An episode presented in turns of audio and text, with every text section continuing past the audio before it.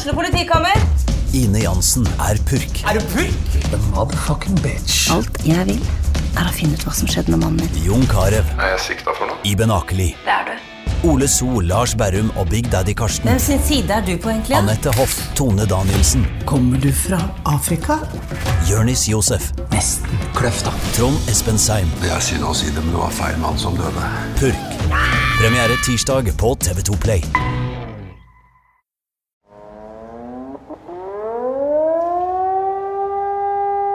Datoen er 9. april, året er 1940. Skjult i nattens mørke glir de første tyske troppene innover Oslofjorden. De første bombene slippes over bolærene. I mellomtiden ligger familien Koklin og sover i Grønvolls gate. Et steinkast unna idrettsbanen på Eik. Kraftige bank fra gode venner slår gjentatte ganger på hyttedøren. De bråvåkner. Nå må dere komme opp, vet dere ikke at det er krig, ja. Og, det, og da var det bare å komme seg opp. Nei, de visste ikke at det var krig. Charles forteller at han trodde at dette var en forferdelig dårlig spøk. Ja, det går ikke an å spøke med sånt, men så var det jo ikke noe spøk.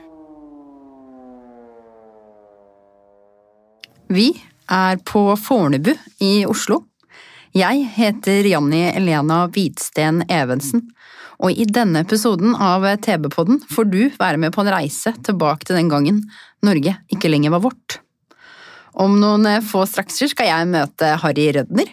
Han er sønnen til Ruth, eh, også kalt lillemor Cochlin. Hun vet du kanskje ikke hvem er.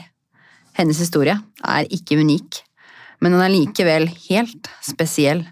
Det var i Tønsberg hun tok sine første skritt, og det var her hun fant kjærligheten. Men det var også fra Tønsberg hun, hennes familie og venner en dag ufrivillig forsvant.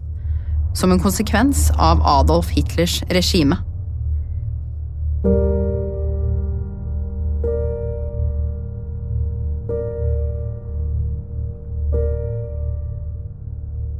Året er 1942, og et av norgeshistoriens mørkeste kapitler er i ferd med å utfolde seg. Med god hjelp fra norske landsmenn. Disen ligger tjukt over Oslofjorden. Den bitende novemberkulda gjør skinnene røde og harde. Gamle mennesker, voksne mennesker, barn og spedbarn står tett i tett på kaia i Bjørvika i Oslo. Stive i blikket hilser de på hverandre. De er frosne, sultne, forvirret og desperate etter svar for å lindre den drepende frykten. De er blitt hentet hjemme med makt og dratt til kaia mot sin vilje. De er livredde. Klokka er tre på ettermiddagen. Skipsklokka ringer, og troppetransportskipet SS Donau kaster loss fra utstikkeren i Oslo.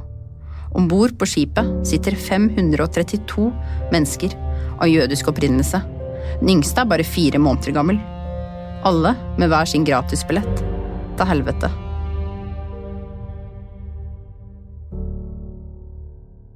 Jeg kan lese hva, eh, hva listen heter. Fortegnelse over jøder som blir med transport nummer én, buss A, den 26.11.42, står det her. Og, og, så står det noen tall som jeg prøver å tolke. Jeg er ikke 100% sikker på hva de betyr, men jeg tror at 6.05 betyr at bussen ble hentet på depotet eh, fem minutter over seks den 26. november. Eh, og 1528 betyr at den ble avlevert den samme dagen klokken 15.28. Og det passer med Donau, som eh, forlot kaia klokken tre. Eh, og så ser vi altså at det er haket av en gang nedover her ved 21 navn. Og så er det haket av nedover her en gang til. Så jeg går ut fra at den første avhakingen er de kommer om bord. Og den andre er de avleveres ved Donau. Og så ser vi at de, av disse 21 navnene, så er de ti første de er fra Tønsberg. Ja. Så omtrent halvparten er fra Tønsberg. Mannen du akkurat hørte, er Harry Rødner. Han har nylig skrevet boken Sviket, som handler om det familien hans opplevde før, under og etter krigen. Dette er en podkast om grusomhetene som fant sted under andre verdenskrig. Hva skjedde egentlig i Tønsberg? Hvem var disse menneskene som ble stuet om bord på Donau? Hvordan levde de, og hva foregikk i månedene, dagene og timene før de skjønte hva som var i ferd med å skje? Hvem flyktet, og hvem ble igjen? Og hvem endte sine dager i gasskammeret kalt Bunker 1 i fangeleiren Auschwitz-Birkenau i Polen? Men først beveger vi oss over grensa. Nabolandet Sverige ble ikke invadert av tyskerne under krigen. De forble nøytrale, og hovedstaden i nabolandet ble for mange nordmenn en trygg havn. Og det var her, i en leilighet rett utenfor Stockholm, at Harry Rødner ble født. Men moren hans, lillemor, ble raskt alenemor. Faren Willy Rubenstein dro til London for å bekjempe Hitler, bare dager før han ble født. Harry forteller. Det er halvtime fra sentrum av Stockholm, litt mot nordvest i Stockholm, ved en jernbanelinje som man ser rett ned mot, og en liten park. Og, har, og øverste etasje, loftetasje, er denne leiligheten. Ganske stor leilighet med utsikt ned, så de kan holde utkikk eh, for å se om det kommer noen og sånt noe. Eh, så den var nok eh, spesielt valgt på den måten der. Og som sagt med restauranter i i, under, eller i uh, første etasje. Og det var vel tre soverom, en stue, kjøkken og sånt noe. De hadde fem-seks boende der av gangen. Uh, og, uh, og, hun tok seg av disse unge guttene som til dels Hun hadde ikke bare respekt for dem. De var nokså ja, det, det, var ikke alle som hadde dratt fordi de hadde noe imot tyskerne, men kanskje de hadde et barn på gang som de ikke ville ha noe med å gjøre, og sånne ting. Eh, unge gutter, eh, alle sammen. Og som eksempel så viser vi hadde et uh, tinnsett for sukker og fløte. Og der sto det i små bokstaver rundt foten til, dette, til både sukkerkoppen og fløtemuggen så sto det navnet på den restauranten som var nede. Dette hadde disse gutta, en av disse gutta stjålet fra restauranten og gitt til henne som gave. Som eksempel på hva slags typer som kom.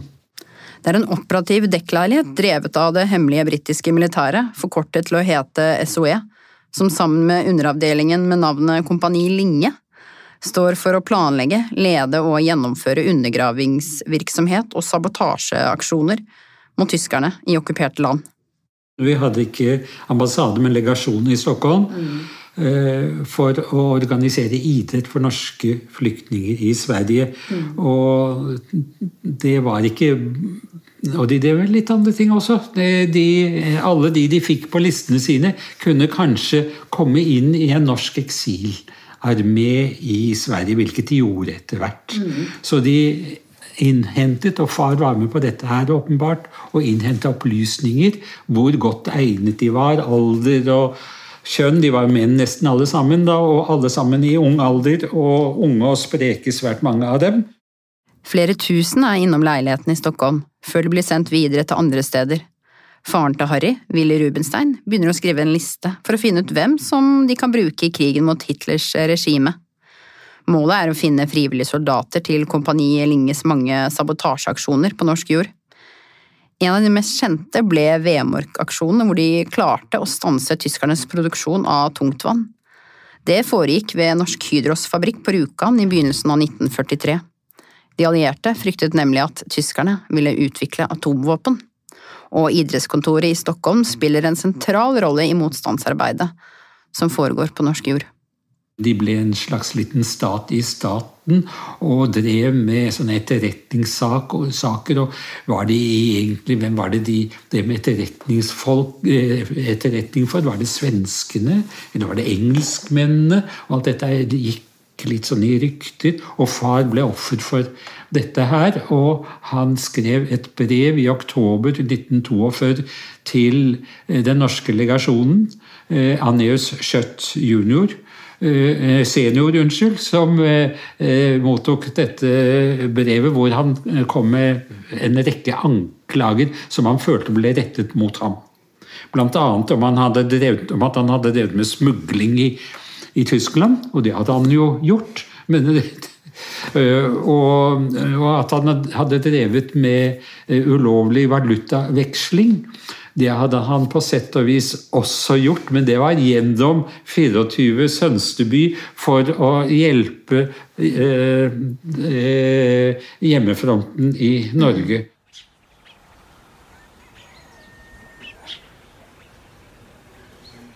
Som i hvilken som helst annen europeisk småby går livet som normalt i Tønsberg i årene før krigen. Den gamle handelsbyen tiltrekker seg arbeidskraft i den voksende skipsindustrien, sjøfarten og hvalfangsten. Hvalfangerne og sjømennene er hjemmefra i månedsvis, og Cochlin-barna merker at pappaene til noen av vennene er mye fraværende. De sosiale forskjellene er store, men på Slottsfjellet og Byfogdløkka skole har de fem Cochlin-barna venner fra alle samfunnslag. I leiligheten i Grønvolls gate 7, rett ved gamle idretten, er det alltid fullt hus. Familien Cochlin har mange venner, og de er en stor del av det jødiske samholdet i byen under berget. Moren og faren til lillemor Cochlin, Ida og Benjamin, har bygget opp en tilværelse i Tønsberg etter flukt fra Tsar-Russland. Nå føler de seg integrert og er et vellykket innslag i byens handels- og kulturliv. De driver blant annet et eh, trikotasjemagasin i Fayes gate 3, med god hjelp fra lillemor. Det er særlig rundt de jødiske høytidene familiene i Tønsberg samler seg rundt matbordet. Og etter hvert som kvelden skrider frem, sovner det ene barnet etter det andre ved bordet. Godt hjulpet av tradisjonsrik mat og litt søt vin. Det er en eh, utgangspunkt en vanlig norsk familie. Eh, som i tillegg er jøder. Og foreldrene er begge immigranter. Og faren han eh, snakker gebrokkent norsk. Ikke hun, for hun kom til Norge som tiåring. og var også velutdannet, særlig som kvinne. Hun hadde handelsbrev og var den som førte butikken, og som antageligvis satt i butikken lengst ut på ettermiddagen kan tenke meg at han kom og åpnet den om morgenen for å selge ting, og hun kom ut på ettermiddagen for å ordne med ting, bestille varer, gjøre regnskap, solgt så mye, eh, sjekke elektrisitetsregninger og sånt. Og, eh, og, så gikk kanskje han hjem først, og hun kom senere, for det regnskapet skal gjøres opp etter at butikken er stengt, tenker jeg da. Så det var litt omvendt av sånn som det ofte var når det gjelder hushold. Mens det er vanlig at eh, barn skal ses og ikke høres, deltar Cochlin-barna ivrig i de voksnes samtaler. Titt og ofte deklamerer gjerne Benjamin Cochlin fra Wergeland, Ibsen og Bjørnson samlede verker. Foreldrene legger nemlig stor vekt på at eh, barna skal være godt bevandra i både jiddisch, norsk kultur og litteratur. Det er et åpent og inkluderende hjem. Alle er velkomne voksne som barn. Eldstebroren Charles er aktiv i byens teater og organisasjonsliv. Gitil jobber i familiens forretning. Og den mellomste broren Julius drar videre inn til Oslo for å studere språk og litteratur, mens yngstebroren Emil er en stillferdig gutt. I 1942 blir han ansatt som maskinaspirant ved Kalnes Mekaniske Verksted i Tønsberg. Og ifølge moren til Harry kunne familiens motto vært Alt for Norge og jødedommen. Hun øh, var yngste datter. Det var to døtre i familien. Eh, og hun fortalte at som yngste datter så ble hennes oppgave det var å stelle huset hjemme. Det var syv stykker som bodde der, så ble det nok mye å stelle. Vaske gulv og eh, lage mat. Så hun gikk så å si ikke på skole. Altså, hvis du lærte deg henne å kjenne, så skjønte at hun var ingen dum dame. Meget intelligent, skarp. Og eh, kunne både det ene og det andre, men skole gikk hun knapt på. Altså litt folkeskole, da. Men handelsbrev, det har lillemor, selv om drømmen er å bli sykepleier. Når vinterkrigen bryter ut i Finland, melder hun seg på sykepleierundervisning hos Røde Kors. Samfunnsengasjementet smitter over på alle barna, men det er særlig eldstebroren Charles som prater høyest ved matbordet. Ja, det var kanskje særlig eh, onkel Charles, eldstegutten, eh, som gjerne provoserte med sine tolkninger av hva som skjedde i Europa, som viste seg å være ganske så korrekte, men som nok har vært urovekkende i familien. Og hva de trodde de på ham? Protesterte de? Kom de med motargumenter? Eh, kanskje ikke noe særlig, men de sa kanskje Nei, fy, sånt kan du ikke si. Og sånt noe kan jeg tenke meg, da. Eh, for eh, det ble ikke noe allmenn eh, tilslutning til Charles' store eh, skepsis og frykt for Hitler og det som foregikk der. Derimot så var de fullt oppmerksom på hva som skjedde ellers, som ikke hadde noe med jødene å gjøre, for så vidt, med opptakten til, til krig som Eh, det dreide seg om tyskernes erobringer, som jo gang på gang egentlig ga Charles rett. Da. Han eh, inntok jo Øst-Europa, han inntok Bøhmen og Meren og etter hvert Tsjekkoslovakia. Eh, og vi er jo nå på høst, høstparten i 1938 så er vi like før det eh, begynner å dra seg skikkelig til når det gjelder jødeforfølgelsene, men det har ikke kommet ennå. Krystallnatten 9.11. Så vi er like før det, og det er klart at da det, er spente forhold også for jødene. Og Charles kunne hver gang si at se, nå er det gått sånn, og se, nå er det gått sånn. Datoen er 9. april, året er 1940. Skjult i nattens mørke glir de første tyske troppene innover Oslofjorden. De første bombene slippes over bolærene. I mellomtiden ligger familien Koklin og sover i Grønvolls gate. Et steinkast unna idrettsbanen på Eik. Kraftige bank fra gode venner slår gjentatte ganger på hyttedøren. De bråvåkner. Nå må dere komme opp, vet dere ikke at det er krig, ja! Og det og da var det bare å komme seg opp. Nei, de visste ikke at det var krig. Charles forteller at han trodde at dette var en forferdelig dårlig spøk. Ja, det går ikke an å spøke med sånt, men så var det jo ikke noe spøk. Og så kom de seg opp, og de bodde sånn litt i utkanten av sentrum. Og Stensmalen var et uh, lite stykke utenfor, et sånt friluftsområde hvor mange Eh, flyktet til og trakk seg ut. Eh, og de kom forbi der hvor de bodde, da, på veien til Stensmalen, forteller vår. Og det var helt naturlig, og de fulgte jo på. Eh, men det ble jo ikke noe kamp i Tønsberg akkurat den dagen. Selv om byen veldig raskt som havneby ble, ved Oslofjord ble erobret og besatt de neste dagene uten noe særlig kamper. Men Plutselig så var det tyskere i byen og sånt noe. Og, og raskt så ble også noen evakuert, og hele familien etter hvert ble, ble evakuert raskt etter 9. april. Det er sjeldent at folk flest beskylder jødene for verdens elendigheter, men i Berlin er tonen helt annerledes. Jøder får skylden til hvorfor tyskerne tapte første verdenskrig, men tiden når disse antisemittiske holdningene også Norge, men det er ikke møte med venner, medborgere eller klassekamerater familien Cochlin får kjenne dette på kroppen. Antisemittismen er synlig i avisartikler, litteratur og i den offentlige debatten. Historiene fra Europa bidrar til at angst og usikkerhet sprer seg. Og når den norske regjeringen kapitulerer i 1940, tar det ikke lang tid før angsten blir omgjort til reell frykt. Den rasistiske eliteorganisasjonen SS har nemlig fått øynene opp for Charles Cochlin. Eh, han er den eneste som har fortalt om, eh, om det, eller om hvem det er blitt fortalt. Eh, vi skal ta deg, bare vent, vi skal ta deg. Han ble da beskyldt for å være kommunist og, og jøde. Og det ene var han ikke, det andre var han. Og ganske raskt eh, etter 9. Eh, april, så jeg tror det var i juni 1940, så eh, dukket plutselig opp politi og skulle ransake leiligheten deres. Og Da var det Charles de var ute etter, fordi han var satt opp en liste over kommunister.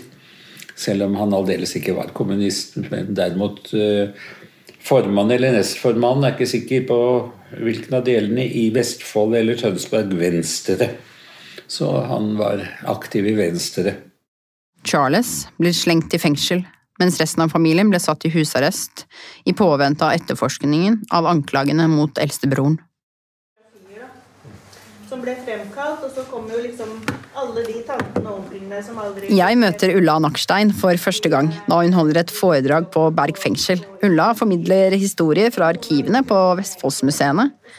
Hennes polske bestefar, Moritz Nakstein, var typograf. Mens han satt i konsentrasjonsleiren Sachsenhausen i Tyskland, fikk Moritz i oppdrag å lage falske pundsedler som tyskerne skulle bruke til å ødelegge Storbritannias økonomi. Konspirasjonstenkning, utestengning, innestengning, latterliggjøring, tvang, fiendtlige, nedverdigende forordninger som kun gjaldt jøder, landsforvisninger, vold, mord, folkemord. Det høres kanskje som om jeg snakker om holocaust, men historien om jødeforfølgelse strekker seg så langt tilbake i Europa, og disse ingrediensene har gjentatt seg i ulik grad. I noen perioder har forholdet mellom den jødiske minoriteten og det ikke-jødiske flertallet vært ganske fredelig, mens andre faser har brent med en enorm styrke. Og det ser ut til at jødene har vært særlig utsatt i spenningstider, der det har vært mye usikkerhet, det kan være store endringer i samfunnet, økonomiske kriser, perioder der tankesett og politikk har sprikt kraftig. Vi kaller det polarisering. Høres ut som vår egen tid, kanskje. Eh, historikere snakker om tre ulike faser for jødeforfølgelse og antisemittisme. Og med antisemittisme så mener jeg fiendtlige holdninger og handlinger rettet mot jøder som jøder. Så skjer det jo store endringer da, i Europa på 1700- og 1800-tallet. Nye politiske ideologier vokste fram, og det her var med på å utfordre og svekke kirkens makt. Og flere land i Europa innfører også mer demokratiske retningslinjer som ga religiøse minoriteter borgerrettigheter, også jøder. Og nå skulle jeg ønske at jeg kunne si at etter dette ble alt så meget bedre, men eh, gjorde jo ikke det. På 1800-tallet vokser det frem en ny antijødisk propaganda, nye ideologiske motiver der jødehat nå knyttes til en slags kritikk av det moderne samfunnet. Jødene beskyldes for å ødelegge de kristne og tradisjonelle verdiene. Og nå er det ikke måte på hva jøder får skylda for.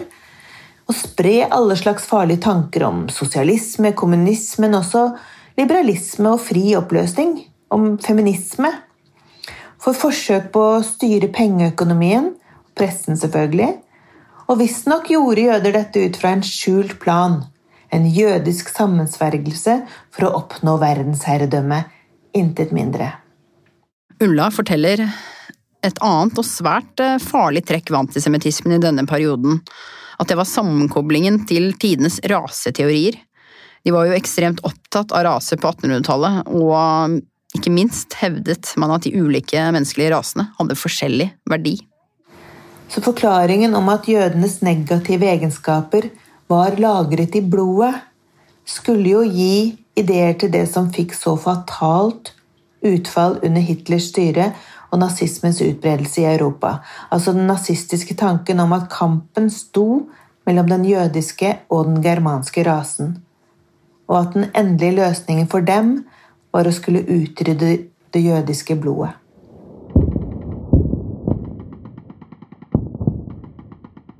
«9. april har blitt til 10. april. Lyden av nattens bomber langs Oslofjorden har avtatt.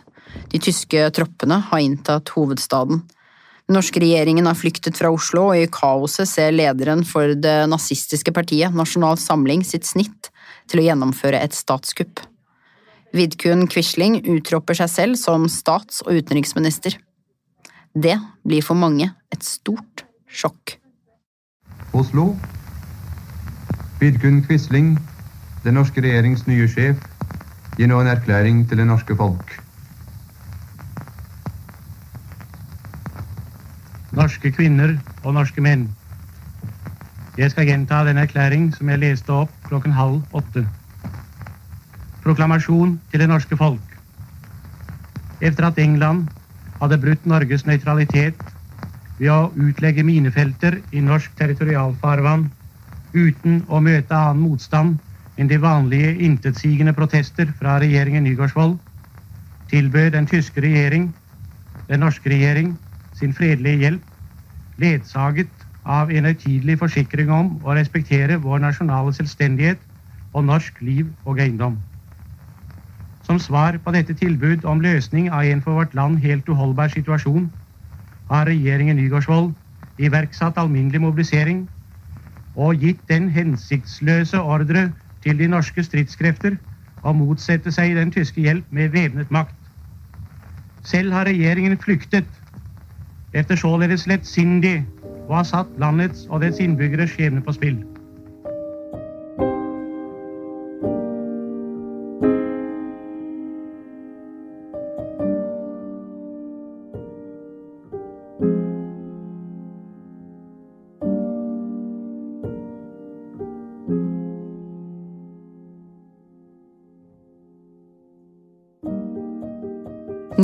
Har du nettopp hørt eh, første episode av totalt fire episoder i podkasten Tønsbergs holocaust. Men krigen, den har jo så vidt begynt. I neste episode får du vite hva som skjer videre med familien Cochlin fra Tønsberg. Hvem de kan stole på. Hvem er fiender? Noen flykter i tide. En kjærlighetshistorie tar form, og skjebner blir forseglet. Nå begynner det nemlig å bli farlig å vise motstand, og særlig hvis du er jøde.